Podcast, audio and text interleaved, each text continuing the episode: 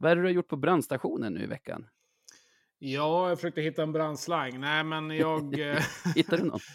ja, faktiskt. Det verkar känns som finnas- rätt ställe att leta på. Ja, det verkar finnas lite vatten och brandslangar och allt möjligt. Där. Nej, men jag eh, håller på att gå en utbildning då till deltidsbrandman som det heter. Så att här i Sävar då, så då kommer jag ha jour var fjärde vecka. är väl tanken. Så att jag har ju kvar mitt ordinarie arbete och sen när jag kommer hem från kvällen så arbetar man lite mer och så kör man någon podd däremellan och så hittar man barn och man gör lite allt möjligt. Så jag försöker maximera de 24 timmarna som finns. Snyggt. Har du... Hur långt har du kommit i utbildningen? Du, jag har kört en hel vecka plus den här kvällen idag då. Sen blir det en vecka till om tre veckor och så blir det sex veckor nästa år. Så det är ganska mycket utbildningar. Så det är, men det är kul, det är en rolig grej och jag tror att det kommer bli perfekt komplement till det andra. Ja, kanske en bra kompetens att ha här i podden också om vi skulle börja. Inte vet jag. Det skulle, bli, om det skulle, om skulle snacka pyron och sånt. Ja, absolut. Precis. Jag måste bara lära mig lite mer om det här bengalen och så vidare. Men jag får väl höra av mig till Sebbe, han verkar kunna allt om det där. Good times, boys. Let's keep the fucking shit train rolling. Take it to the final destination. Ja,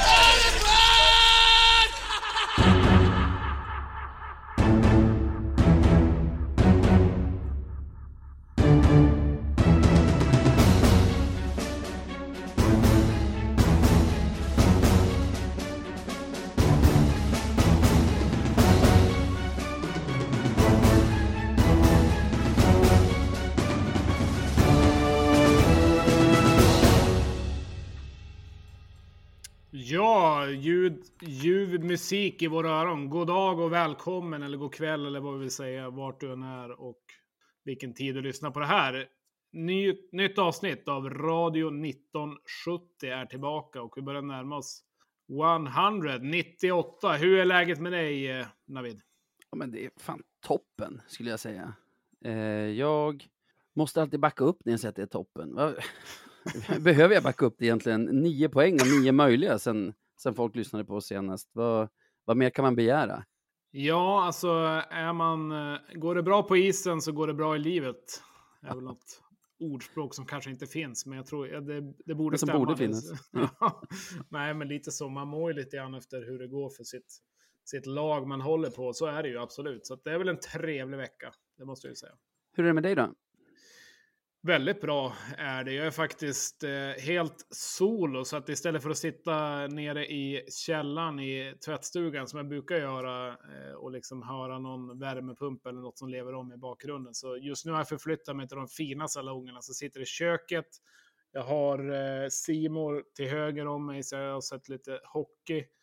Eh, jag kan skrika så högt jag vill om jag nu skulle vilja det. Och, eh, ja, så att det är fantastiskt. Nu är jag solo här i tre dagar, så att vi får se vilket helvete jag kan lyckas skapa på det. Då. Har du blivit dumpad eller är de bara bortresta resten av familjen? ja, jag har varit dumpad tidigare idag. Nej, Det är typiskt. nej de, eh, det är ju, eh, vad heter det? Det är ju lov här nu. De, Ja, ja. Kall, de kallar det ju numera för läslov ja. istället för höstlov. Så man ska ju tydligen läsa då. Det var det inte på min tid, för jag, jag valde att inte läsa så mycket just under de här loven. Jag gjorde något annat. Så att barnen är lediga och så även frun. Men eftersom jag varit på utbildning då eh, förra veckan så valde jag att jobba denna vecka istället. Kul. Mm. Vi var inne på det när vi pratade om mitt mående och lite ditt mående. Nio poäng av nio möjliga. Det är ju en vecka som ändå, jag tror att jag var inne på det någon gång här under veckan att nu har Löven chansen att visa vilka de vill vara den här säsongen. Och det Mm. tycker jag att de gör också. Särskilt sista matchen mot Östersund där de har redan säkrat sex poäng under veckan, kommer i tidigt 2-0 underläge och jag nog trodde att jaha, fan, nu blir det en sån här eh, spela av matchen. Eh, men där vi faktiskt vänder och vinner stort och tycker jag från deras 2-0 som kommer bara efter 3-4 minuter dominerar stort. Så eh, en karaktärsvecka. Ja, det kan man väl lugnt sagt säga. Och det finns väl mycket saker som pekar på det också när vi kanske haft lite problem med skador och så vidare. Men vi tar oss igenom det också och är ju stark i de avgörande lägena. Vi kanske kommer in på det mer i detalj, men om man kollar boxplay till exempel tror vi är 100% den här veckan. Powerplay ser ju väldigt bra ut också och eh, vi släpper in lite mål och vi gör relativt mycket mål. Så att eh, det är ju, går inte att säga någonting annat om att det har varit en bra ishockeyvecka för eh, Björklöven. Nej, så måste man nog säga. En, en, då, en tråkig sak den här veckan däremot är ju, kom ut här i kanske går, alltså måndag, att Yes. Björklöven gick ut med att Jesper Lindgren tvingas till operation av sin axel och kommer troligen i alla fall missa resten av säsongen. Bonus om han spelar en enda match i alla fall, säger de. Det var ju inte vad vi hoppades på, va? Nej, för alla som har eh, druckit alkohol och kanske druckit lite för mycket alkohol ibland så kan man ibland få en eh, bakfylla. Och det är väl lite så det kändes eh, när man nåddes av det beskedet efter en vecka med glädje ishockeymässigt så kommer det alltid någon och hugger i ryggen. Och eh, nu ska man inte låta bitter, men jag tycker inte det är första gången när det gäller, gäller det här laget man, man hejar på. Men som sagt, det är ju väldigt lite synd om oss. Det är mest synd om Jesper och eh, framförallt det han har gått igenom rent privat och alla de bitarna och sen får den här smällen. Eh, så tycker jag ju att det är för jäkligt och lider med honom. Och eh, vi tappar en väldigt bra ishockeyspelare också på isen. Så att, eh, det finns mycket som är dåligt med det beskedet. Ja, alltså vi är ju nere på sju skadefria backar nu. Om man räknar bort Lindgren nu och Plant till exempel för resten av säsongen så är det åtta. Vainio som sällan är hel, tre matcher i rad. Då, då är vi nere på sju. Hur tycker du att Kente ska agera i det här fallet? Ja, det är ju en spännande puck och det är väl svårt att säga vad som är rätt och fel. Alltså det är klart, har vi sju, sju dressade backar så ligger vi ju inte eh, skit till så. Samtidigt när vi går in med den breda trupp vi gör, det är ju för att kunna kanske har lite mindre speltid på vissa backar också. Att de inte behöver ligga på de här 20-25 minuterna utan kunna, kunna ligga på en lite mindre speltid och kunna spara sig eller hur man nu vill se det på, inför ett slutspel. Så att det är klart att vi ska ersätta det, men men sen med vad? Det är en ganska tunn marknad. Det, det finns inte allt för mycket att, att välja på. Eh, vi har utnyttjat lån i Oliver Johansson också. Så att, eh, det är klart att Kente har en plan för vad som ska hända. Men sen att eh, vi ska tappa Lindgren helt och hållet är väl ingen som hade räknat med det. Lindgren kändes ju mer som en bonus, en stor bonus att vi fick in honom. Eh, svårt att säga exakt vad vi ska göra, men det är klart att vi kommer hitta på någonting och det är ju inte omöjligt att det kommer något nyförvärv inom kort. Men Det viskas Kente- ju om en gammal bekant.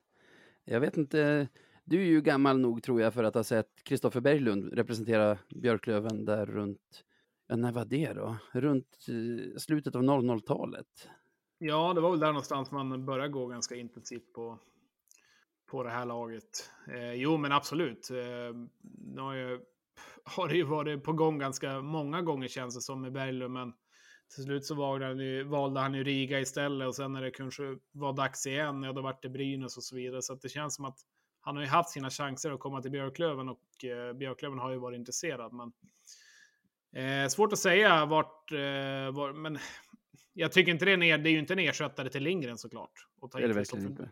ta in Kristoffer Berglund. Så att det är lite beroende på hur vi vill bygga vårt lag också. Nu har vi, Lindgren såg jag ju som mer eller mindre en bonus. Kent hade ju inte räknat med att vi skulle få hem Lindgren heller med de omständigheterna som blev. Så att, eh, sen Kristoffer Berglund, det är ju en bra ishockeyspelare. Det är ju inget, det är inget snack om det så. Men ja, svårt. Det, det, det känns som att det kommer bli svårt för Löven att ta- ta igen det vi tappar i Lindgren. Det är en av seriens bästa backar såklart. Så att, eh, vi kommer väl säkert hitta något från Nordamerika, men sen hur, hur bra det slår in, det är alltid svårt att veta.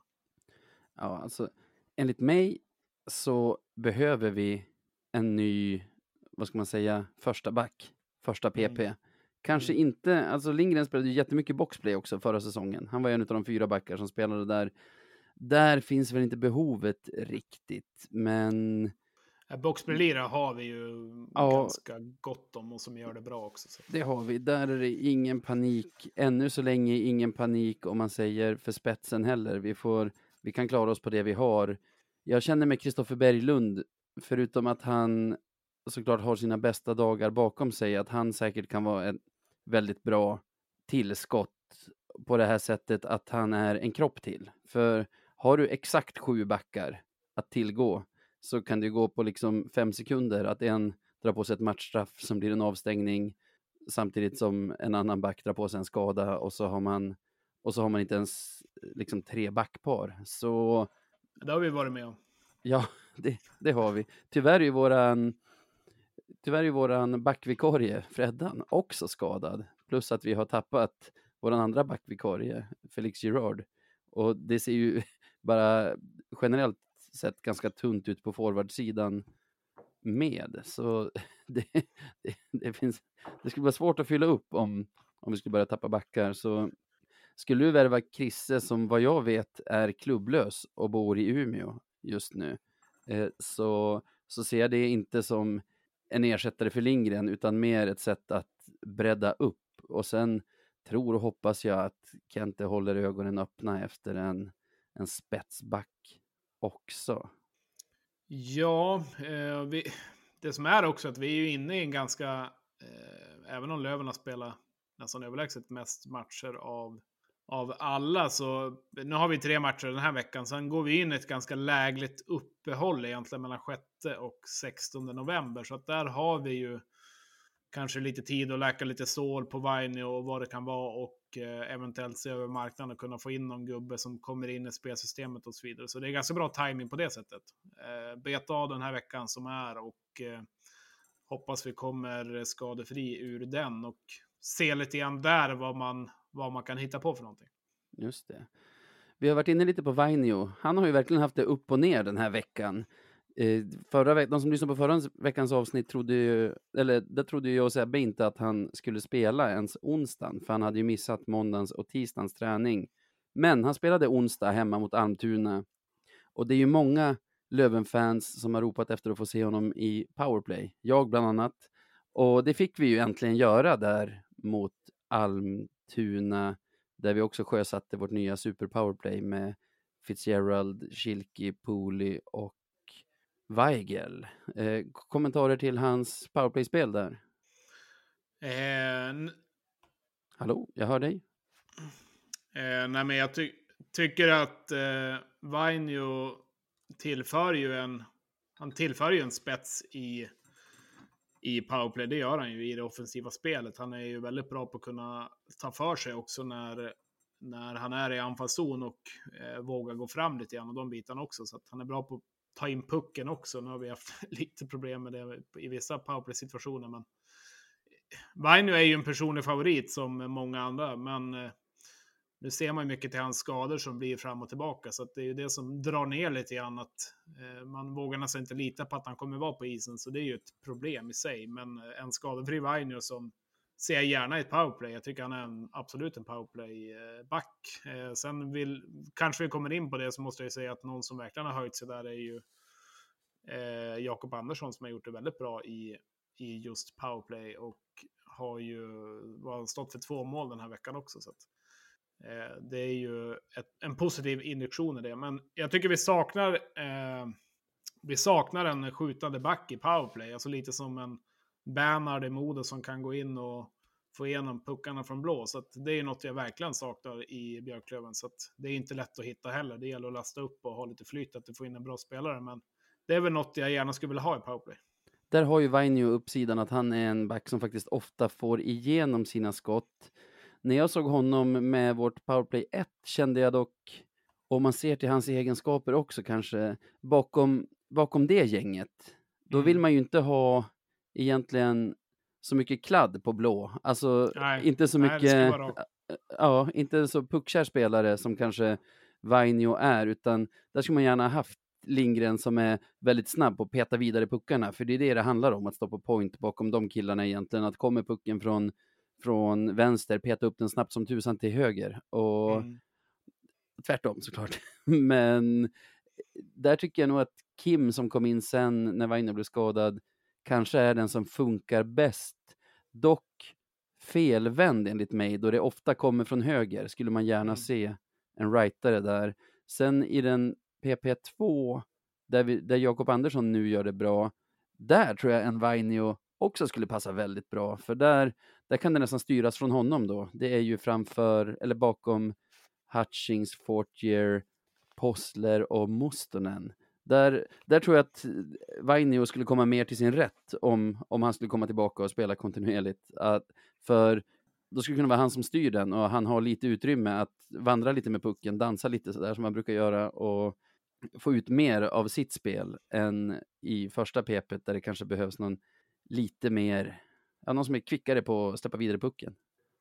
Ja, det är ju ett lyxproblem såklart. Då kan vi hålla de här siffrorna som vi har gjort nu i, i powerplay. Vi ligger ju ganska stabilt där också. Så att, eh, vi, har ju, vi har ju lite alternativ och sen om det blir en PP1 eller PP2 är väl inte super, superviktigt heller. Men eh, jag tycker att Weiner ska spela powerplay i alla fall när den är skadefri och, och de bitarna. Men sen exakt vart man får in honom, det är väl lite som du säger. Det, det blir väl där det, där det passar bäst.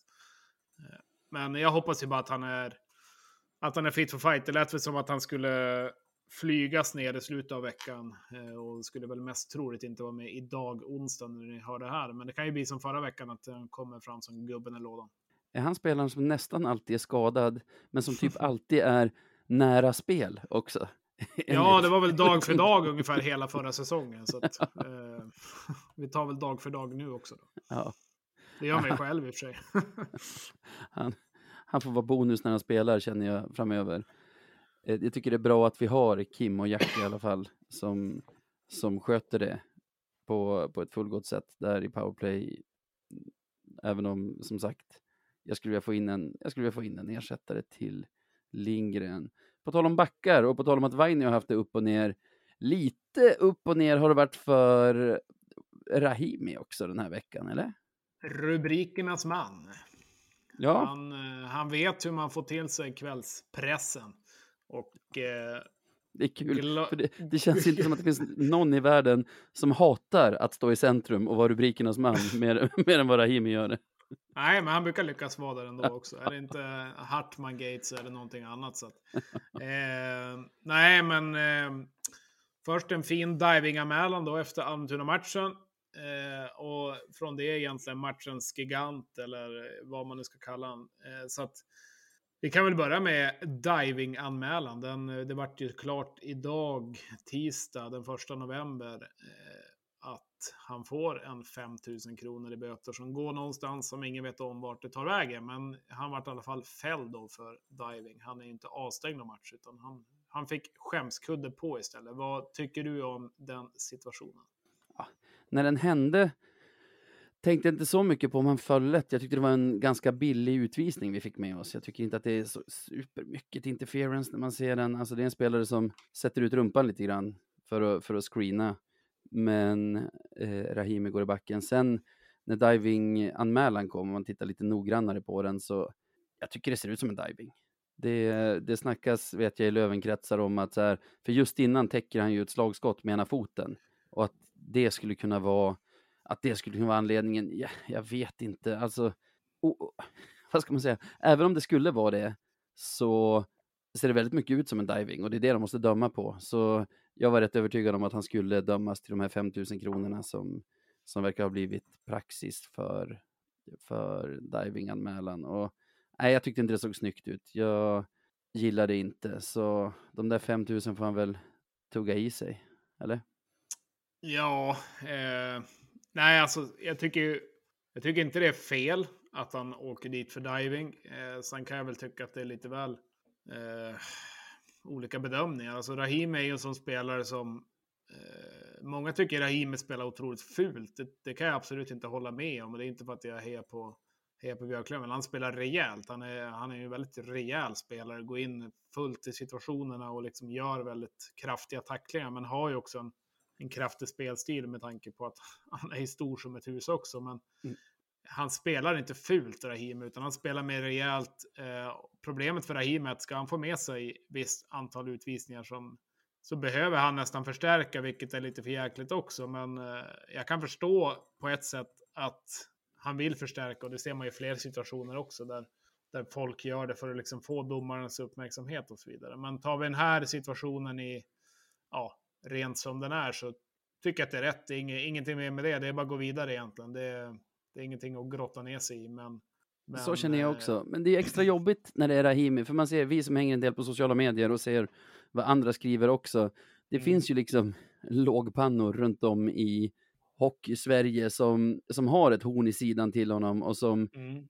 om man säger objektivt sett felaktigt, har liksom anklagat honom för att vara en filmare tidigare. De får ju liksom vatten på sin kvarn och har nästan julafton när det här händer. Så därför är det väldigt skönt att fredagskvällens match mot, mot Mora borta kommer, en match som jag var väldigt nervös inför, där han är planens stora gigant. Det var ju Rahimi mot Mora ett tag i den matchen och Rahimi vann. Ja, snacka om att skaka av sig eh, den divinganmälan och gå vidare. Eh, och eh, nej, men, när man har Rahimi så då känner man sig ganska trygg och framförallt i boxplay. Och eh, snacka om att ta det för laget. Det är ju otroligt vad han täcker skott och Ja. är i vägen. Och det var väl någon eh, i slutet där det hade ju lika gärna blivit mål om inte Rahim hade stått där. Men det är också läckert hur han gör det.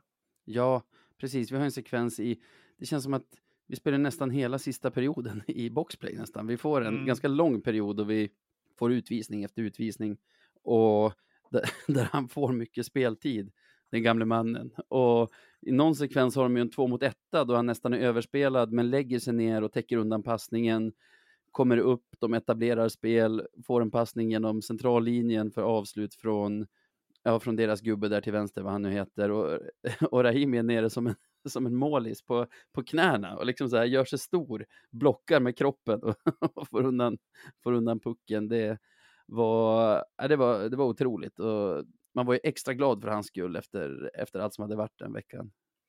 Ja, nej men eh, det är ju, det är ju minst lika viktigt eh, som ett mål framåt. Eh, det där är ju kanske något plus till. Eh, Det sätter ju också en jäkla respekt i laget och visar lite grann. Det, här, det är det här som krävs för att vinna ishockeymatcher. Och, eh, nej, men det är imponerande och eh, det är bara att fortsätta på den inslagna vägen.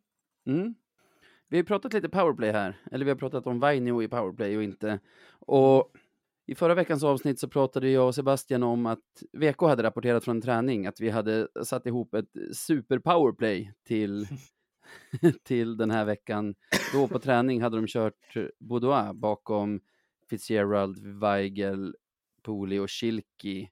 Nu var det ju Vainio bakom dem i onsdagens match mot Almtuna, så det har varit Kim där bakom fredagen och lördagen. Och mot Almtuna tror jag knappt de kom in i zon, de få, de få powerplay-chanser vi fick. Där var det ju istället PP2 som räddade oss med ett höstlöv från, var det Jacke Andersson som ramlade in i mål, så att vi i alla fall fick ett PP-mål. Ja, Den- han hade ju ett från blå där. Ja. Eh, så i alla fall fick ett PP-mål med oss från den matchen. Men sen Mora och Östersund, då visade ju vårt, vårt nya super powerplay verkligen upp sig.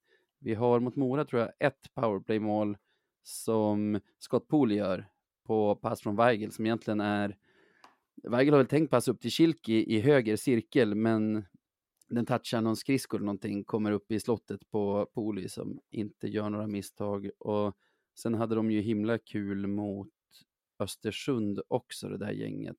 Det har, vi har ju, det står 2-0 till Östersund. De får en utvisning, vi får inte riktigt till det powerplayet. De får en till utvisning så att vi har 10 sekunders... Ja, det är ju en fantastisk packout från egen zon.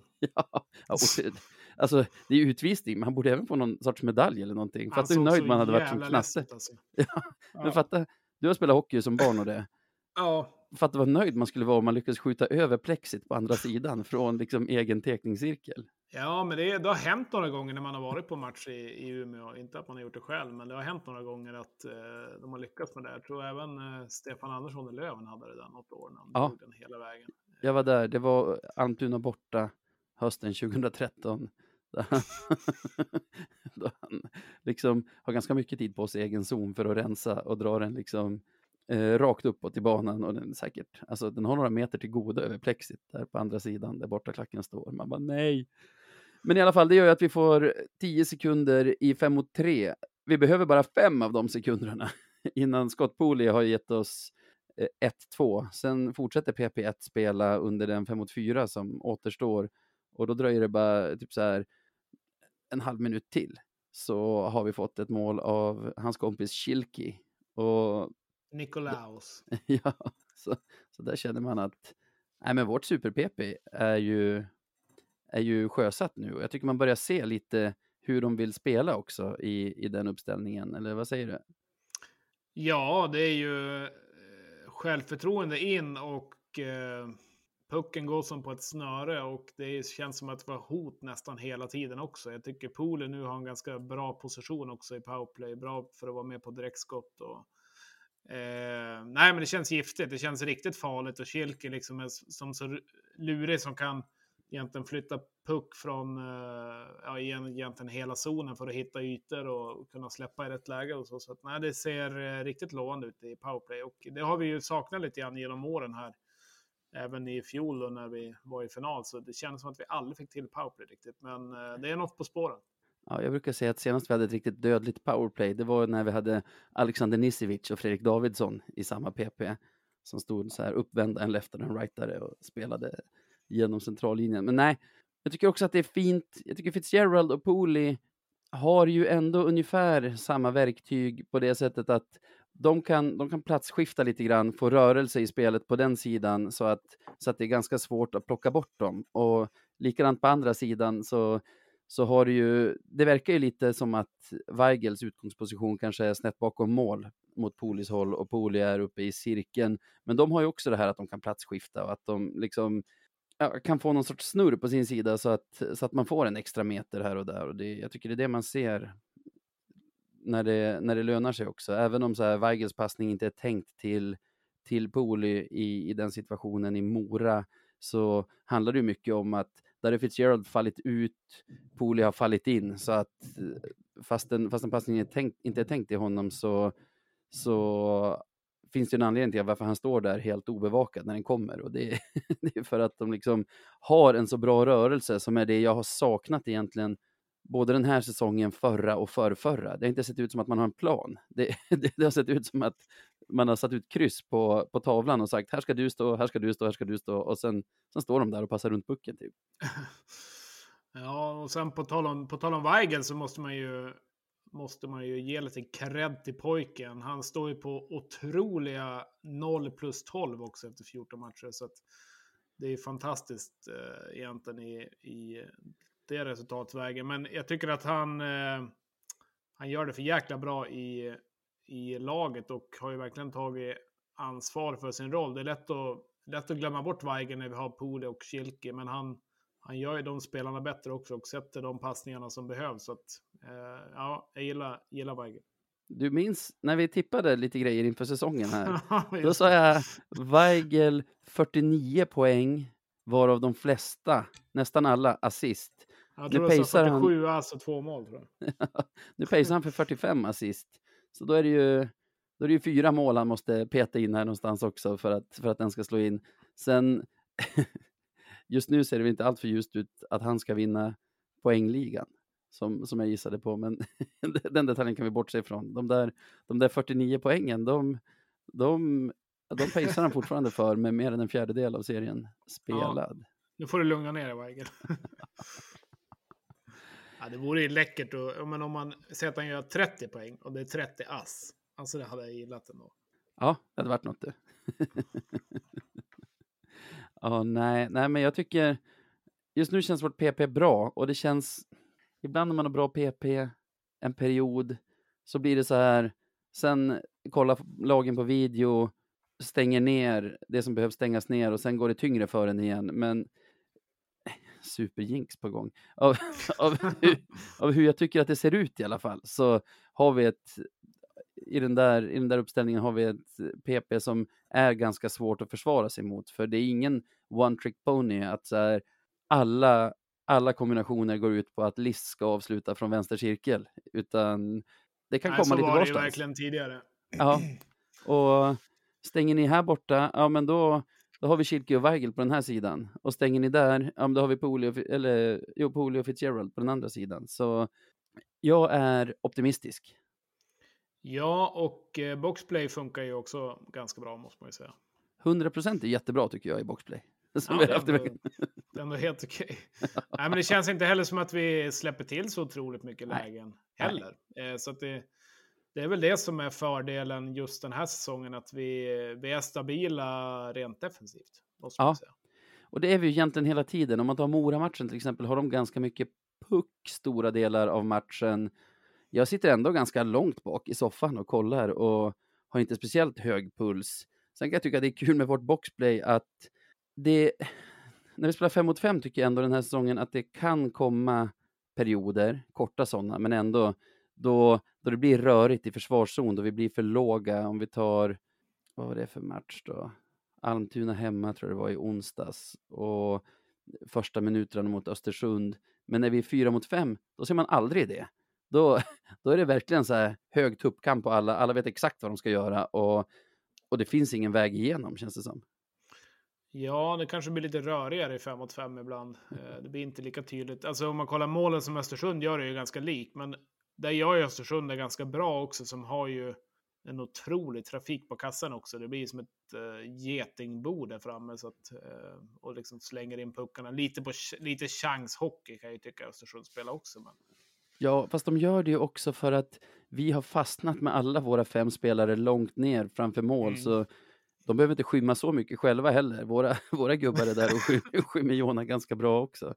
Och inte så mycket liksom störning på skytten. Så, eh, när, när det stod 2-0, då var jag, jag var inte nära att stänga av så tidigt. Men ändå den här, jaha, ska det bli en sån match nu? Nej, jag var faktiskt helt tvärtom. Jag var hur lugn som helst. Eh, jag var näst, ja, jag var övertygad att det skulle vända. Jag vet inte, det kändes bara som det. Eh, sen har man ju haft fel förr, men eh, det var ju sån här start som jag tycker ändå Löven började ganska bra, såg ganska pigg ut och så. Sen blir det de här två skitmålen, eller vad man vill säga. Så att, sen visst, det var ju lite flyt som får fem och trean där, men är ju dödligt effektiv också och kommer tillbaka. Men det är klart, när det stod 2-2, då var det nog väldigt få som trodde på Östersunds seger. Då kändes det som att ja. det här vinner vi. Ja, det håller jag med om. Alltså jag tycker från, från att de gör sitt 2-0 är det ren dominans resten av matchen. De har ganska svårt att hävda sig överhuvudtaget då, mm. Östersund. Mm. En till uppföljning på förra veckans avsnitt var ju att jag och Sebbe pratade om att man skulle göra om i kedjorna till Almtuna, hade vi sett. Att man har gjort en ren fjärde kedja med Johansson, Karl Holmner Härgestam och Ekefjärd. Och vi pratade om att det är ju en avlastningskedja, den ska inte ha många minuter per match, men att att det är bra att man gör det för att få upp de bra spelarna i topp tre-kedjorna så att säga. Men den teorin kom ju på skam i onsdagsmatchen mot Almtuna när jag tycker att de är den enda formationen som har bra fart under skridskorna och får saker gjorda egentligen hela matchen, varenda byte de är inne.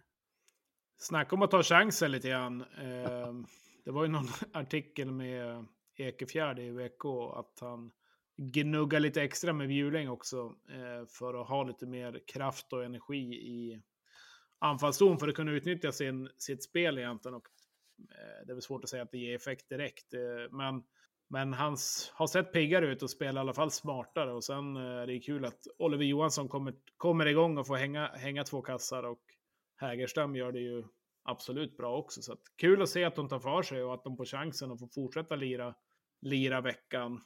Så att de, de stod helt klart bakom den segern utan tvekan. Ja, det gör de. Två mål av Oliver som du sa på pass av Holmner Härgestam. Och mm. jag tycker, jag vet inte om vi pratar för lite om Karl Holmner Härgestam. Vi, vi, vi pratar ju om alla, men jag ser lite av en ny Viktor Ekeståhl Jonsson där. Superanonym var ju han, kom från egna led, men gjorde sällan ett dåligt byte. Jag var rätt förbannad när de skeppade honom för att Tommy Jonsson tyckte att han hängde för mycket, hade dåligt kroppsspråk eller något sånt där. Jag, jag tyckte att han var en perfekt fjärde center och vi ska inte hylla de här för mycket efter en bra vecka. Det är svårigheten, tänker jag, med att spela seniorhockey är att man måste göra 52 bra matcher. Men eh, det var himla kul att se i alla fall i en match där resten av laget tycker jag uppträdde ganska nonchalant så spelade de varje byte som att livet hängde på just det bytet. Och det är ju så hockey ska spelas. Ja, eh, absolut. Och det är väl eh, kul också att vi kan få igång. Eh, men sen, de, de vet ju om också att eh, det gäller att ta läget. De vill ju få så mycket istid som möjligt i ett stjärnspäckat Löven också. Så att ser de att det är någon annan kedja som inte riktigt eh, är på topp så då försöker de ta chansen ännu mer och säga att de har lite flow också. Så att de krigar för sin spelstil. Men de, har, de gjorde, det, gjorde det helt klart bra, gjort det bra hela veckan tycker jag. Så att de, eh, de har fått sitt, sitt jobb gjort. När vi ändå pratar om Almtuna-matchen, Mm. leaving the bench finns det tydligen en regel som heter. Jag vart förbannad känner jag, jag har glömt bort det där. Regel 70. Vi får ju, det som händer i den matchen är att första perioden tar slut. I andra, när andra perioden ska börja så måste Löven ha en kille i utvisningsbåset. Det meddelas i högtalarna att man har fått två minuter lagstraff för leaving the bench. Sen ändras det i efterhand till delaying the game. Men det som har hänt i alla fall, det är att på slutsignalen så har, på slutsignalen den första perioden så har spelarna, några av dem i alla fall, åkt in på isen, typ snackar lite skit med, med gubbarna som, som redan är där, åker ut i omklädningsrummet för paus. Och det är tydligen ett regelbrott. Ja, jag vill ha en kommentar så suck. Kan jag känna. Alltså vad är, vad är det för någonting? Alltså snacka om att lägga fokus på fel saker. Och, eh, ingenting mot domarna så, eh, de, eh, de tar väl för det. Men nu tyckte jag inte det var det. Om man läser då regel 71 som det är leaving the bench, då står det lag, lagstraff ska utdömas om ett lag låter en spelare lämna spelarbåset eller utvisningsbåset vid ett periodslut om det pågår ett bråk ja, jag vet inte, var det bråk i kaffekön eller vart var bråket liksom? Så att, eh, otroligt märkligt. Eh, nej, jag vart ju bara less. Jag, det var ju, jag vet inte om det syntes på tv, men Stråle var ju fram ganska direkt där i, när perioden skulle ta och börja, var ju fly förbannad. Eh, så att, ja, stort jävla minus. Någon ska avgå. Ja, jag lyssnade på podden Rinkside som är Simors podd om Hockeyallsvenskan där Dagen Eriksson är med, som är ju Mm. domare i Hockeyettan och gammal allsvensk spelare. Enligt honom är det korrekt av domarna och ma- inte bara folk utan även vi är ganska snabba på att halshugga domarna eh, när, när vi blir förbannade. Här har de enligt honom gjort helt rätt, men att eh, regeln är uppåt väggarna och att det, att det är en åsikt som delas av, av domarna också. Ja, men... det var lite det jag menade. Det är ju bra gjort av domarna på så sätt att de har koll på regeln, eller man ska säga då. Mm. Eh, men sen måste det finnas lite fingertoppskänsla i det också. Tänk, tänk om det hade varit slutspel, ett avgörande läge och inför en övertid så får du leaving the bench för att något sånt där händer som är totalt harmlöst och så avgör något lag att gå upp eller något liknande. Men tänk dig vilket ramaskri det hade blivit. Eh, så att nej, jag... Ja, jag vet inte vad jag ska säga, men jag känner bara en stor suck över det hela och sen eh, händer väl samma situation lite senare. Då. Ja, alltså för... Och det är också otroligt som... att det gör det egentligen. jag, jag är en sån som reagerar på det här tjuriga sättet så här. Jaha, okej okay då. Okej, okay, men då är det så nu. Då ska alla åka för det. Nu håller jag stenkoll på det. Så det gjorde jag ju sen... Vet du vad det kallas? Nej. Grinig. Ja, ja. ja men... det, det, det skriver jag under på, eh, rakt av. Men vad heter det? Så i den här Almtuna-matchen så får, ju vi, får vi den här diving-anmälan på Rahimi som vi har pratat om och vi får den här leaving the bench-utvisningen. Och sen i söndagens match hemma mot Östersund så har vi ju dels efter första perioden Östersundsspelare som gör, ja, så som hockeyspelare alltid har gjort. Visslan går, några hoppar in på isen, snackar lite skit, liksom kliver av isen och ingen utvisning. Ja, ja men alltså det, det är helt otroligt också att det händer igen. Snacka om att spä på någonting. Eh, och likaså där, då såg man ju direkt på Stråle, han förstår ju också att nu gör ju de samma sak som Ja. kolla, på, kolla på dem liksom. Eh, sen tycker jag inte rent så att det ska vara en utvisning. Jag tycker regeln är helt åt helt åt HVT. exakt. Men, men, Jag tycker eh, inte menar- regeln ska finnas, men jag säger som. Daggen sa i Ringside-podden att även om domarna hatar det, ser de det så måste de ju ta det. Och det är omöjligt Ja. att inte se. Ja, nej, nej, det är ju väldigt, väldigt tydligt nu när man har fått svart på vitt vad som gäller. Liksom, så att, ja, jätte, jättekonstigt. Otroligt märkligt faktiskt. Ja, där blev jag en sån här, du vet, rabiat. Alltså, spelar roll att några Östersundsspelare är inne på isen några sekunder efter slutsignal. Men jag var verkligen så här, jaha, nu är det tillåtet. Okej. Ja, nej, jag, eh, jag håller med dig. Det enda som man kan eh, ställa till försvar, det är väl om, om det var lite andra domare då, vill säga. Ja, det kan det ha varit. Sen har vi en annan sak i den matchen med tanke på Rahimis diving-anmälan. Vi har ju, som du har lagt upp en GIF på, på Twitter som vi kan, som vi kan dela på våran Insta och sånt också när det här avsnittet släpps. En, vad jag tycker är ganska tydlig diving från Östersund. Det är Fitzgerald åker på en trippingutvisning i, i den andra perioden är det. Och redan när det sker i realtid tänkte jag så här, oj vilket dyk det där såg ut som. På Mm. reprisen tycker jag fortfarande att det är ett dyk. Och när du, nu när du har lagt upp den så man kan se den om och om igen så, så tycker jag att den är jättekonstig. Han har ju Fitzgerald i ryggen, det är Fitzgerald som kommer att åka ut. Fitzgerald har sin klubba liksom, den ligger, vad ska man säga, med, han har, han har liksom klubblådet mot Elliot Ekefjärds skridsko. Elliot är också Mm. där. Elliot Ekefjärds klubba touchar ju lite grann på den här Östersundsspelarens benskydd men studsar bort för det är ju liksom ingen kraft. Fitzgerald har ju lite sin hand i ryggen på den här Östersundsspelaren men liksom på det stora hela ingenting händer som ska få en vuxen man att falla och han faller ju ganska så snyggt också. Eller hur, hur ser du på den?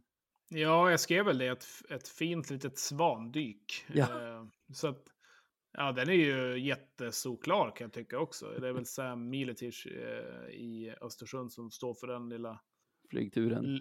flygturen. Eh, Ek, ja, du sa väl det, Ekefjärd är väl där och touchar han på röven ungefär, men det känns som att det var inte sådär jätte, jättehårt riktigt. Så att, nej, det är ju inte jättekonsekvent. Det är väl det man kan bli lite less på. Eh, Jag tittar att på den det- nu. Wee! Där! Framför magen som en säl. Wee!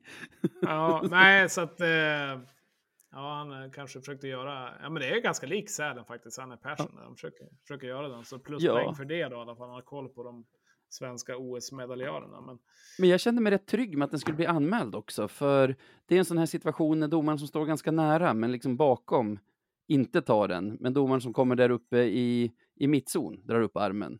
Och att det kanske var någonting de skulle kolla på med, med sin kontrollant sen och nog landa i en, i en anmälan. Men man var väl bara en enögd supporter den här gången också. ja, nej, men jag brukar faktiskt försöka kolla på situationer och... Ja, men som med Rahimi. Jag tycker det är, det är klart att han ska få åka dit på, på diving. Vissa tror väl att man tänker något helt annat och alltid ska försvara och så vidare. Nej, men rätt ska vara rätt tycker jag. Och det, den här situationen, hade det varit en Lövenspelare som hade slängt sig så hade jag också tyckt det var en förstärkning. Så att, eh, ja, de såg Giffen för sent.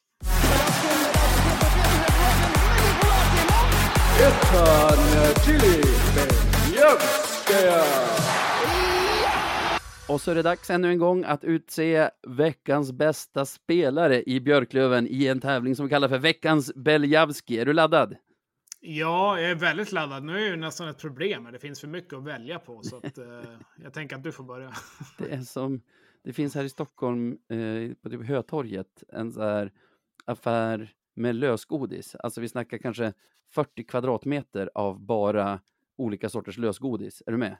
Ja. Det är alldeles vid en bio, så när man ska gå på bio där då, då går man in där. Och, och man blir så här, du kan inte fylla sju påsar. Jag måste, jag måste välja här. Jag, måste faktiskt ha någon sorts agens och välja bort sorter jag gillar. Vad är favoritgodis? Alltså om du, ska, om du ska köpa lösgodis och du bara fick välja en lösgodis. Jag vet att det det är, det är för jäkligt svårt, men vad hade du valt då? Ja, precis. Det dödar ju idén med lösgodis. Men fick jag, bara, fick jag bara äta en av sorterna i, i resten av mitt liv, då skulle det vara de här Malaco eh, colaflaskorna. Inte med så här sura med socker på eller någonting, utan de här plain som har funnits typ sedan jag var barn i alla fall. Ja, det är faktiskt en av mina favoriter också. Ferrari-bilar ligger högt upp också. Men de kanske är lite för hård för att kunna äta dem liksom resten av livet. Jag tror inte det, jag tror inte det blir bra på det sättet. Man kommer nog tugga sönder tänderna. Om de inte är färsk då. Vi, vi ska inte sväva iväg allt för mycket, men eh, jag och eh, Sebbe pratade lite grann om halloween. Jag vet inte om ni hörde det, men vi hade Ja. besök av eh, jultomtar och allt möjligt. Och jag fick fara och köpa mer godis för att eh, ja, jag tänkte att det kommer att knacka på något mer, men det gjorde inte det. Så jag tänkte nu har jag hur mycket godis som helst här. Dels nu när jag ska vara själv i några dagar. Ja. Men tror du inte att det knackar på hur mycket som helst även måndag? Då? Så alltså lördag, söndag, måndag. Så att nu är ju slut på godis. Aj, aj, aj. Eh, så att, eh, det är kul att det gick till, till eh, välgörande ändamål, höll jag på att säga. Men jag hade oss var det haft nästan tvärtom. För oss var det nästan Jaha. tvärtom. Jag köpte hem typ ett halvkilo på fredags, alltså fredag eftermiddag efter jobbet. För jag tänkte, ja men då har vi om de kommer och trick or treatar eller bus eller godisar kanske. men så kom det ingen fredagkväll och då var den där påsen nästan slut. Så då köpte jag lite mer på lördagen. Så kom det ingen på lördagen heller och då var den nästan slut när de kom på söndagen. Så de fick några så här deppiga, ja men du vet så här typ nonstop som man tar ibland som ligger kvar i botten av påsen och så här. det, det blev väldigt mycket godis till oss och väldigt lite till bus eller godiskidsen. Ja, vi får bättring nästa år. Eh, lösgodis, Lövenspelare, lite samma sak den här veckan. Jag skulle börja sa du. Tycker jag är jobbigt för jag har varje vecka nästan någon som jag känner så här. Ja, men den här borde nog vinna den här veckan. Och då blir jag glad om du eller Sebbe kör först, för då kan jag täcka upp. Alltså, eh, då kan jag ta om den jag, kan, inte... jag kan börja då. Ja, kör. Eh, ja, jag höll på att säga, vart det svårt där. Nej, men eh, det finns väl en självklar givetvis om man kollar in till, till veckan och den lär det väl möjligtvis komma in till, tänker jag. Men någon spelare som jag tycker har gjort eh, riktigt bra i veckan, som var inne på lite grann också, som har fått göra två mål också och fått lyfta lyfta vårt spel lite grann i powerplay och gjort en stabil insats där bak tycker jag Jakob Andersson. Eh, som, eh, som har gjort det bra eh, och eh, har väl inte haft världens bästa start kanske, men börjar jobba upp lite grann och nu när vi har tunga pjäser borta så hoppas jag att han kan fylla ut skorna bra också. Så att en bra insats av Jakob Andersson i veckan tycker jag. Du får ingen Just större det. motivering än så, men Nej, nej men han, han har gjort en bra vecka. Jag köper det. Håller med Så- också. sen finns det väl 50 till jag skulle kunna ta egentligen. Det gör det ju. Det gör det ju. Jag tycker till exempel Poli har varit bra den här veckan också. Ju Rahimi har varit grym. Rahimi hade jag tagit om du hade tagit mannen som har vunnit två raka veckans Beljavski och som jag tycker ska vinna en till. Och det är ju han som gjorde, jag tror han har gjort fyra plus två den här veckan. Fyra mål och två assist på tre matcher. Och det är ju Nick Schilke. Nikolaus. Ja. Sankt Nikolaus. eh, Sankt Nikolaus tror jag helgonet som gett namn till jultomten. Kan ha helt fel här. Jag har inte tänkt kolla upp det, utan våra lyssnare som hör det, om jag är helt fel, bara får sitta och skaka på huvudet, knyta näven och tänka jävla idiot. Jag har skickat brev till Navid. Nej, jag säger i alla fall Nick Schilke även den här veckan. Ja, nej men det är väl klart att det är vår konung veckan som har varit. Så är det ju. Alltså, 20 poäng leder ju poängligan ganska solklart. Eh, nu har jag inte ens kollat, vad har han gjort? 12 mål eller något sånt där va? Ja, 12 plus 8. Eh, det är ju brutala siffror på, på 14 matcher och det är inte så heller att han liksom gör något slumpmål här och där. Det är ju rena jävla klassavslut. Eh, liksom han kliver in i zon och bara upp i krysset med den. Alltså det är ju snygga mål som helst. Så då, ja, kul att se att han är igång eh, och sina kedjekamrater också. Så att äntligen har vi en otroligt giftig första line som känns som att det skapar någonting hela tiden om minne. Eh, Jag tänkte att nu får jag kasta kepsen igen här mot Östersund. Han har hängt två baljor. Så att, nej, läcker spelare. Det är bara att njuta så länge han spelar i vårt lag. Ja, verkligen. Jag var inne på det i sociala medier i veckan att det känns inte som att vi har haft en så här dominant spelare. Jag skrev sen Beljavski, sen i efterhand har jag kommit på, men Rick Jackman var fan riktigt dominant också när han var här. Han gjorde lite vad han ville. Men just nu Mm. känns det som att Nick Schilke, han går på vattnet. Han, vill han göra något så gör han det. Ja, det är bara liksom hur många poäng gör han den här veckan känns det som. eh, eh, om inte annat så kommer det alltid vara farligt. Det är lite intressant nu att se också hur motståndarna kommer spela mot, mot Lövens kedja lite grann. Hur de, Ja. hur de försöker formera sig och så. Det känns som att vi är ganska luriga där och kan hitta på någonting. Eh, Ja, och går man för hårt, alltså belastar man för hårt mot Schilke så har vi ändå passningsgeniet Weigel och vad ska man säga, superavslutaren Scott Pooley mm. kvar som får ännu mer yta i så fall. Ja, nej, men så är det ju. Och nu när vi, ja, men om man tänker förra veckan, tycker Maxim gör det ju väldigt bra också och gör ju ett supermål också. Ett väldigt liknande mål. Jag kommer inte ihåg vilka han gjorde det mot. Eh, var, det, var inte det Almtuna? Han gjorde det ju första matchen Almtuna hemma, den vi förlorade med 2-1. Ja. Och så gör han nu mot Östersund, alltså inte den som var förra onsdagen, utan den som var typ i omgång fyra eller något sånt. Två sen- ganska liknande mål. Ja. Bara trampa ifrån och hänga upp det.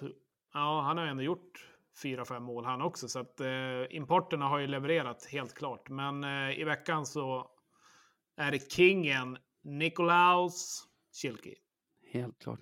Det måste vara, det måste vara jobbigt så här. Om du är en spelare som är med och, och tampas där i toppen av poängligan, att så här, men vad är det, Riley Woods, Brickley heter han väl i Västervik, Mm. kanske någon till, att så här, jaha, nu gjorde Kilke fem poäng i en match.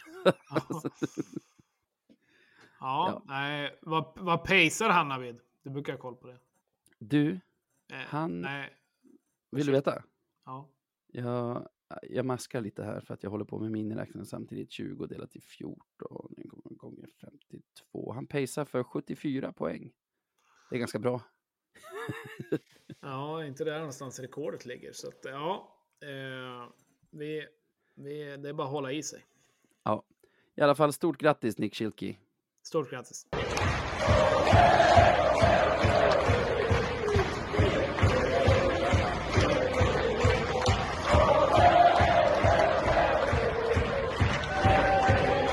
Och då är det ju så den här veckan att vi har ett betalt samarbete med Vi Marketing ännu en gång. Och vad är det för gäng då? Ja, vad är det för någonting? Nej, men det är väl eh, din eh, vän i natten eller på dagen när du behöver någonting och någon som hjälper dig med reklamen eller en helhetslösning egentligen från att bygga upp en hemsida, spela in en film eller pub- publicera eller analysera resultat och optimera lite sociala annonser och så vidare. Eh, så det, det man behöver när man behöver hjälp, då kontaktar man Y Marketing tänker jag. Precis. Och det som, när du säger helhetslösning, det handlar helt enkelt om att det de inte har i huset, det, det fixar de ändå. Så har du ett projekt som behöver en copywriter, så fixar de en copywriter om de inte har en själva. Har du ett projekt som behöver någon som är duktig på att filma vindsurfing, så löser de det också. Och skapar liksom hela paketet från ax till limpa, som man säger. Hur låter det? Ja, det är väl perfekt. Jag ska kontakta dem när det, när det kan vara något annat också. Kanske behöver hjälp med barnen, då fixar de det om inte annat. Så det är super. Det är super. Om inte det vore nog, som om inte det vore nog. Alexander som driver det kommer från den otroliga orten i Västerbotten, Flurkmark, som även jag kommer ifrån. Ja, då måste det ju vara bra helt enkelt. Det det är kvalitet. Jajamän. Nej, men eh, som sagt, kontakta, kontakta Alexander. Lättast är väl eh, via hemsidan eh, vymarketing.se. Enkel V-A-I marketing.se eller slänga iväg ett e-post kan man göra också då, för att få lite hjälp. Då info at vymarketing.se så har ni bäst hjälp eh, från det. Kanske dra iväg en limerick till honom också. Absolut. Någonting om Flurkmark. Det finns säkert mycket att gå igenom där. Nej, men som sagt, eh, tack så mycket för det samarbetet och vi är glada att kunna, kunna samarbeta med bra aktörer.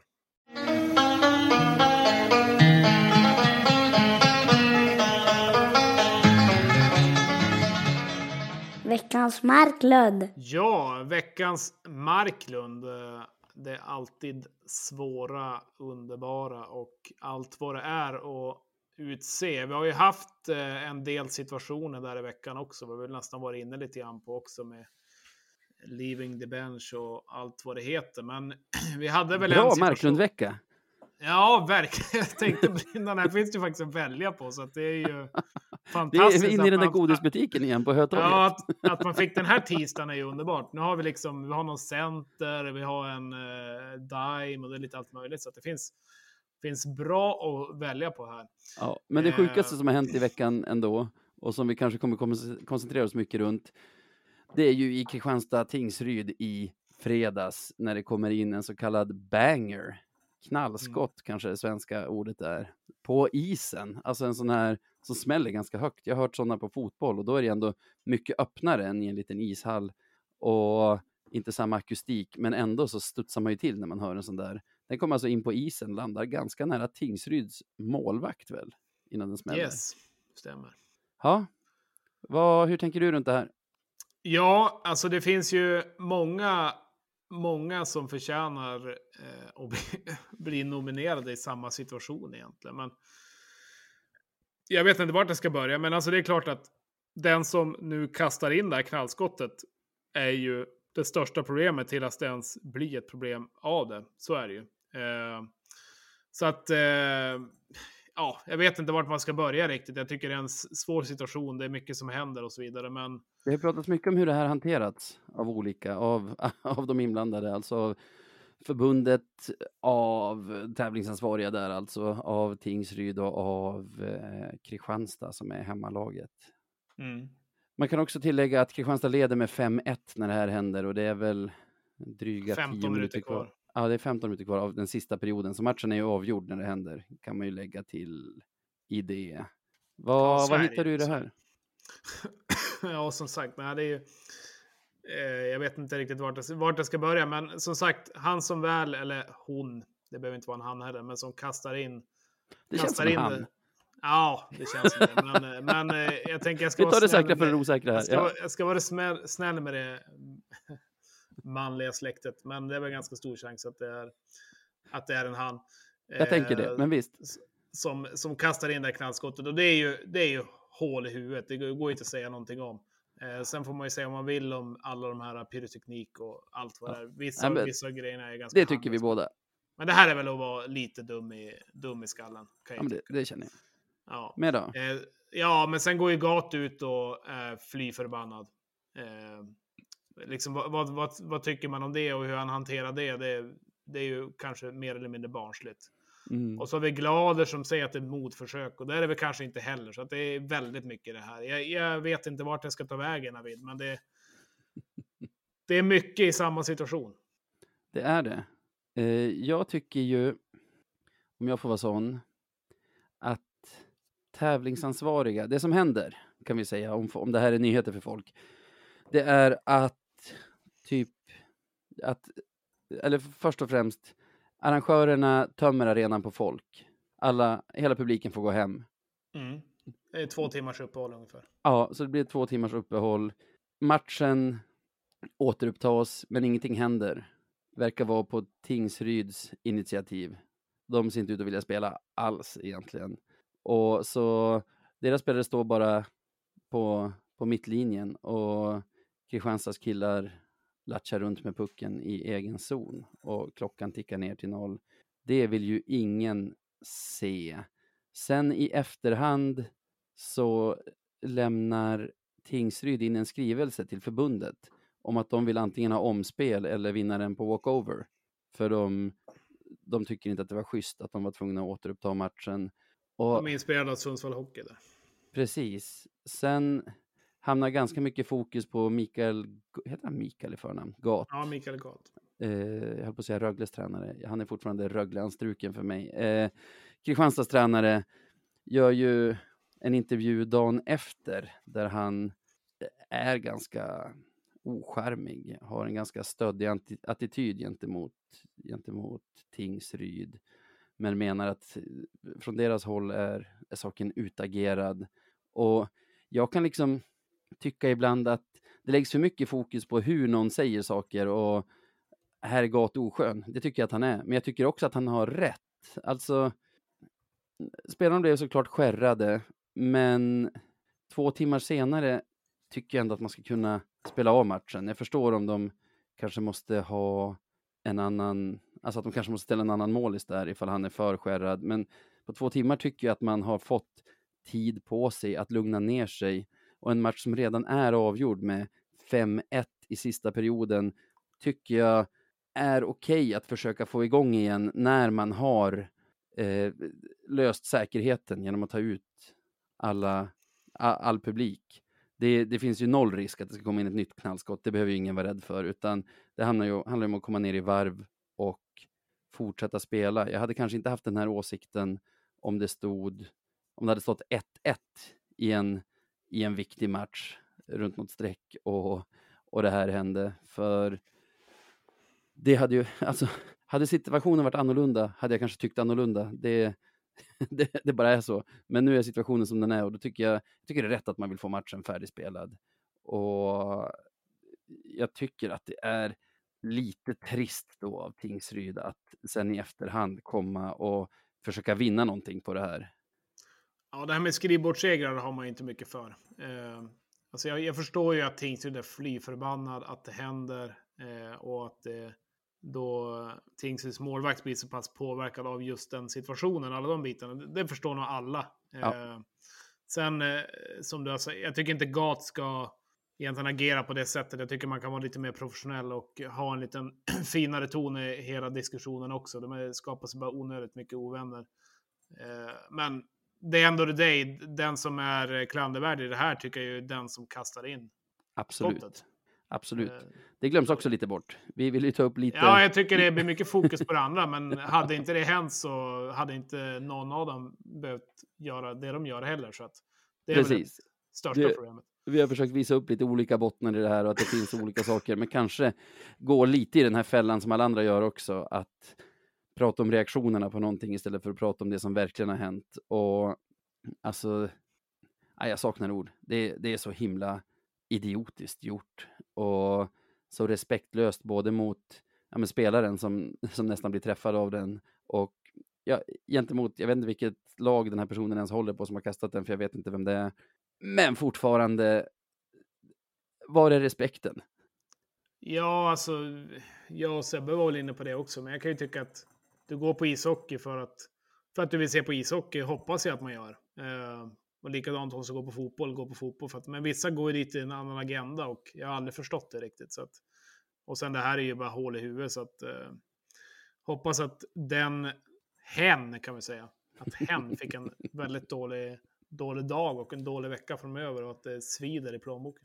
Jag gillar att du ändå håller det öppet, att det kanske är en, ja, en tjej eller väl, kvinna eller icke-binär eller någon som inte vill definiera sig. Som har gjort det, det försöker hänga med här i det moderna samhället. Ja, ja, ja. Jag, jag spelar på mina fördomar här och säger han. Eh, han är ju en given veckans Marklund. Stort grattis till det. Ja, grattis till ett skott.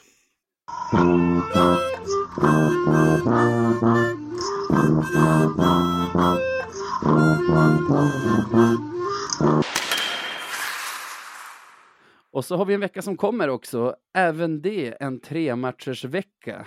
Vi ska ju ut på roadtrip. Inte vi, du och jag. Däremot, vet du vilka som ska ut på roadtrip? Björklöv. Ja, det ska de. Men även, du vet Johan Sandström, eh, en av de som var, låg bakom bloggen Löven Forever, när den fanns. Yes. Han och hans sambo Angelina, som också är Lövengalen, också har ett förflutet på Löven Forever-bloggen, och deras son Caspian är ute på turné nu. Så de lämnade Umeå, idag är det ju tisdag när vi spelar in, lämnade Umeå vid fyra tiden. De kommer hit till Stockholm vid, ja, efter elva någon gång är, eh, förväntas de komma hit, ska övernatta här hemma hos oss. Sen vidare ner till Tingsryd imorgon. Efter det vidare ner till Kristianstad i Skåne för att beta av Västerås på söndag på vägen hem. Och där har jag berättat Lövens spelschema för för den här veckan också. Ja, det var snyggt att få in det samtidigt. Eh, nej, men det finns många vinnare i den här historien. Det är cred till dig som fixar boende och det är absolut cred till dem som åker på alla matcher. Jag har ju avslöjat, Tingsryd borta onsdag kväll är den första matchen. Det är ju också ett kärt återseende då vi får se Ryan Gropp spela igen. Ja, han har, hängde ju en kasse direkt faktiskt i sitt kära Tingsryd mot AIK hemma. Det var ett ganska snyggt mål också. Men liksom öppna upp höften och bara drog in den. Eh, Gropp var en sån spelare som eh, var bra när han var på humör kändes det som. Och jag hoppas väl att han är på riktigt inte humör imorgon höll jag på att säga. Eller på, ja det blir det imorgon, imorgon onsdag. Eh, men... Eh, Risken finns att han är det, för han har blivit retad. Jag vet inte om du såg det. Nej. När det blev klart att han skulle komma till Tingsryd så la Hockeyallsvenskan upp ett lite så highlights reel med hans mål från, från tiden i Björklöven förra säsongen. Och då hade Alex Hutchings kommenterat på den, alltså på den posten, hade Alex Hutchings lagt en kommentar och skrivit något i stil med jag ser inga backcheck, backchecking highlights här. Det var konstigt. Undrar vart de har tagit vägen. Tydlig pik. Ja, det, det, kan, det kan ju vara en eh, intern kompisgrej också, men... eh, Det tror jag. Det tror jag absolut. Det, är ju, det, det känns ju ändå väldigt mycket harts att göra så också. Och, och, och faktiskt inte helt osant heller. när, det kommer till Nej, det är, väl inte, det är väl inte den spelare man kännetecknar i Löven genom åren som Kämpar inte hårdast hemåt. Även om jag tycker, men jag har lagt märke till nu när han har blivit klar för Tingsryd, att han är lite hårt dömd så här i efterhand. Jag kunde också störa mig på den arbetsinsatsen som inte fanns där, men utan att vara liksom en av våra framstående spelare så tror jag att han plockade in typ 30 poäng eller något sånt på förra säsongen och han, han är ju en spelare som framförallt tycker jag att han har en sjuk skridskoåkning, för den ser varje skär ser så himla lojt ut. Ja, Men när, när, när, när han är i en liksom åkduell mot någon så är han alltid den snabbaste. Med den där loja åkstil. Jag fattar inte hur det går till, men det, det går otroligt snabbt. Han- trots att det ser ut att gå Han har bra ut, utväxling på sina skär. Så att, eh, har ju, ja, men, är ju också mitt i livet. Men han är inte så gammal. Han är 26 år gammal. Det finns ju mycket talang. Han är liksom född 96. Min, min lilla syra är född 96. Och jag tänker alltid att hon är sju år gammal. Men det är hon ju bevisligen inte. Så att, eh, När nej, jag men hör det- det- 96, nu är jag jättegammal i och för sig, så det får, det får stå för mig. Men när jag hör 96, då tänker jag att man ska gå, alltså, kanske klar med dagis, men någonstans på låg eller mellanstadiet. För det känns Ja, som nej, i men det- förrgår, det var 96. Det blir lite så man, som man tänker.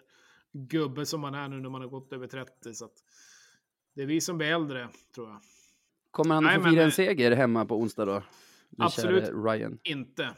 Det, det kommer han inte få göra. Han kommer, han kommer möjligtvis få få in på ett mål framåt ifall det vill ha ett resultat av mig. Men eh, det blir en härlig 5-1 till Löven. Kilke gör ju två mål såklart. 5-1, härligt. Jag gillar matcher där man inte behöver vara så himla hispig i sista perioden i alla fall. Ja, nej, men det står ju 1-1 inför sista. Eh, det känns också som att, fan, det här hade man kunnat ta fram statistik på. Men det känns som att när vi leder inför sista så förlorar vi aldrig. nej, eh, och framförallt så är vi ner. väldigt, väldigt bra i sista. Jag måste ju tippa förlust här. Och Grops hattrick kommer ju göra att vi får det tufft. Han sätter ju sitt tredje mål för kvällen i... Han sätter mål nummer tre i tre mot tre. Alltså i förlängning. Så här har vi en förlust från min sida med 3-2 i OT. Tyvärr. Tråkig onsdag. Men chans till bättring. Fredag, Kristianstad borta. Förra säsongens överla- överraskningslag. Vad har vi på dem så här långt den här säsongen?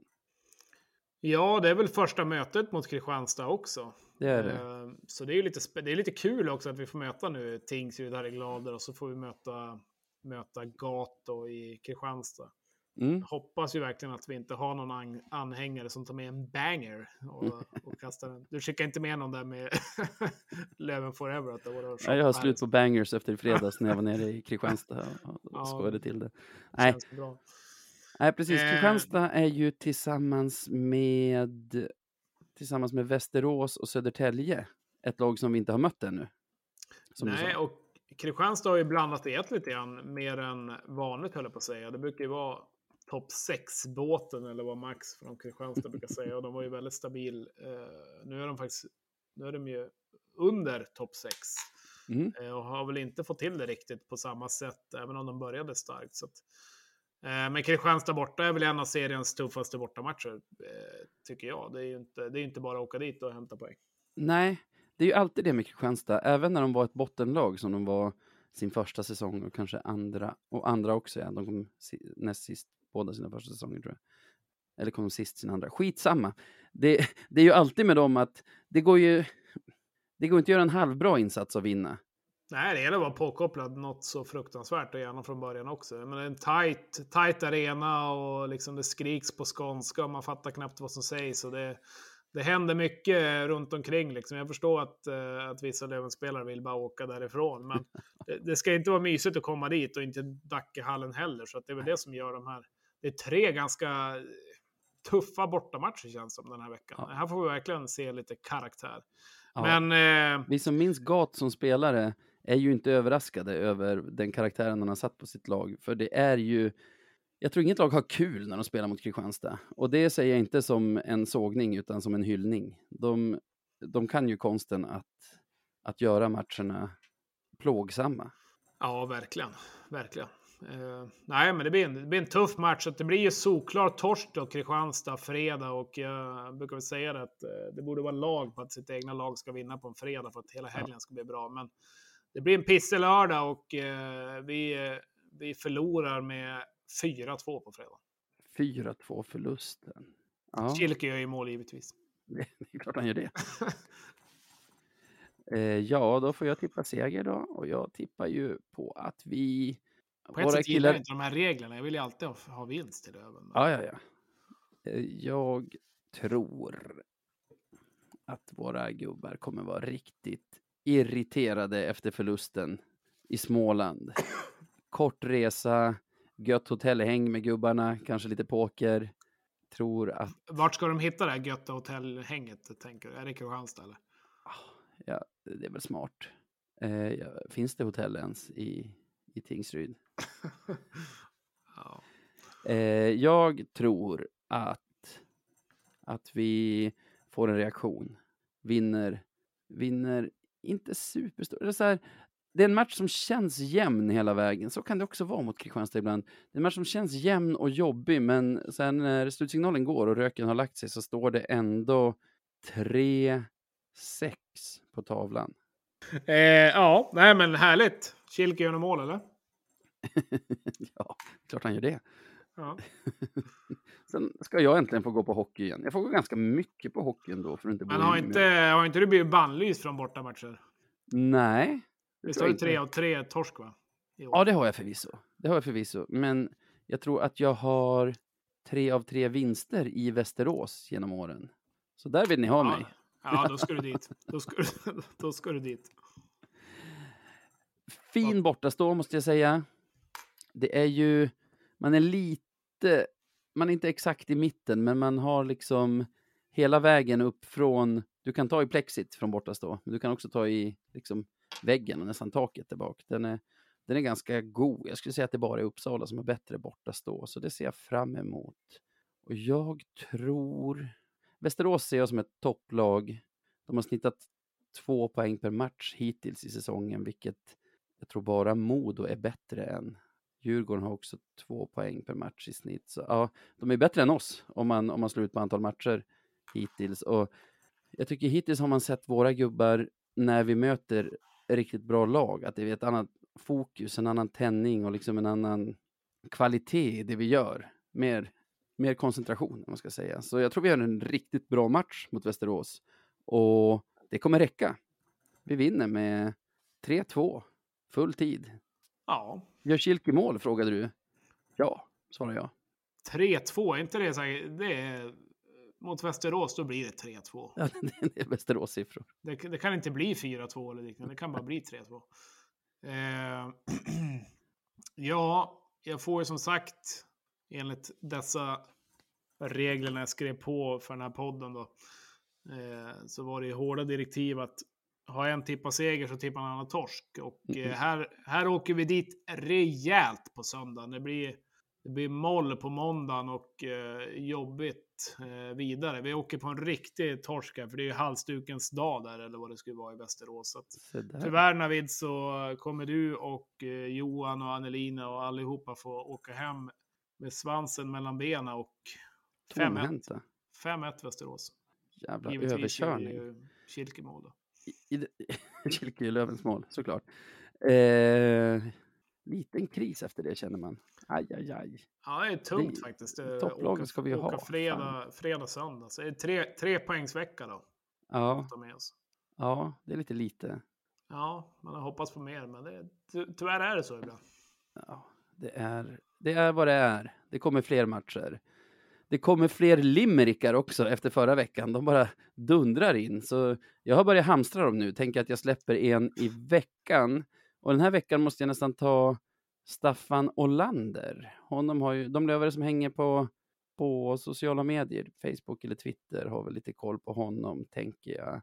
Också en Annars av... in och följ. Ja, in och följ. Kan också följa hans podd som handlar om öl, som heter Ölbranschen. Eller så kan man be honom skriva mer limerickar, för den här, han har liksom skrivit en... Anledningen att jag måste ta den här i veckan är att han har skrivit en dedikerad limerick till den här filmningssituationen i Löven-Östersund som vi pratade om. Mm. Är du med? Jag är med. En hockeyspelare från Östersund fick felskär och snavade en stund. Men höjd arm det blev då bedömning blev skev och en utvisning helt utan grund. Ja, det är ju fem plus. Eh, jag försökte väl någon gång att köra något fint rim i skolan eller om man skulle skicka något kärleksbrev eller någonting när man skulle imponera på någon, på någon fin tjej man hade lyckats eh, få på kroken. Men det gick ju i stöpet det, så att eh, här hade man behövt lite Kärleksbrev tips. på rim har någonting. Ja, eller om det var så, eller om man ska hitta någon... Eh, vet, man försökte allt vad man kunde, vet du. Ja, ja, ja. Nej, jättebra Staffan. Staffan och alla Ja. andra, fortsätt skicka in. Vi, Abs- vi har inte så vi klarar oss hur länge som helst, även om vi har nu för ett tag till i alla fall. Ja, vi har väl för eh, ett avsnitt till i alla fall. Så. Ja, för tre avsnitt till skulle jag säga. Och om man vill skicka limerickar till oss eller någonting annat, kanske positiv feedback. Ja, gärna. Absolut ingen annan typ av feedback. Va- Vart hör man av sig då? Ja, då hör man av sig till ja, antingen då på våra sociala medier självklart så kan man ju kan man gå in där och skriva en positiv rad, Radio 1970. Eh, annars så podcast at radio1970.se. Då är ni varmt välkommen och skicka dit blommor, skickar ni på post. Så här Malaco colaflaskor gärna. Ja, jag har varit så otroligt sugen på dem. 2241 eh, när man bor där man bor, då får man inte tag i dem. Så att, eh, Nej, det får, knappt, bli, det får, det får bli någonting annat. Men eh, tro mig, till helgen, eller kanske på onsdagen här när man nu är det sol och så får man ju välja själv vad man köper, höll jag på att säga. Så att det kan bli så att eh, det åker hem ett halvt kilo colaflaskor till onsdagens match mot Tingsryd. Nu har vi pratat om vår, våra sociala medier och onsdagens match mot Tingsryd. Våran Instagram där kan vara bra att hålla koll på just inför den matchen mot Tingsryd, eller hur? Ja, absolut. Vi körde ju en live för ett tag sedan. Eh, Det var väl några matcher sedan. Bejublad vi- var den, även om det var fiasko från mitt håll. Man hörde bara spikern i Norrköping när, varje gång jag skulle vara med på länk. Ja, det var ju kul att se dig, men vi hörde ju inte dig tyvärr. Nej, men det var ju, det var ju ett eh, trevligt och roligt koncept och tanken är väl att kunna fånga Om vi får upp- säga det själva. Ja, precis. vi har ju inte fått, vi har inte fått några några negativa eh, än i alla fall. Så, Inga, men inga är det, nå- hatbrev. är det något så ta det med Sebastian. Nej. Ja, Nej, men eh, vi kör igen tycker jag. Och eh, vad tänker du? Att vi laddar upp en kvart innan match? Eller hur vill du ha det Navid? Ja, däromkring. Kvart är ganska länge att bara prata in i en kamera. Men Ja, slå på, börja hålla koll 1.30 kvart i så går vi live när vi tycker att det är dags. Ja, absolut. Vi, vi hänger på liven där och eh, vi hoppas att vi får ta med en eh, seger också. Så häng på, ställ frågor, var engagerad så har vi kul tillsammans tänker jag. Så gör vi. Trevligt att snacka med dig. Eh, tack till alla som Samma, lyssnar. Samma. Ha det bra. Hej då. Hej hej. Behind the stone, more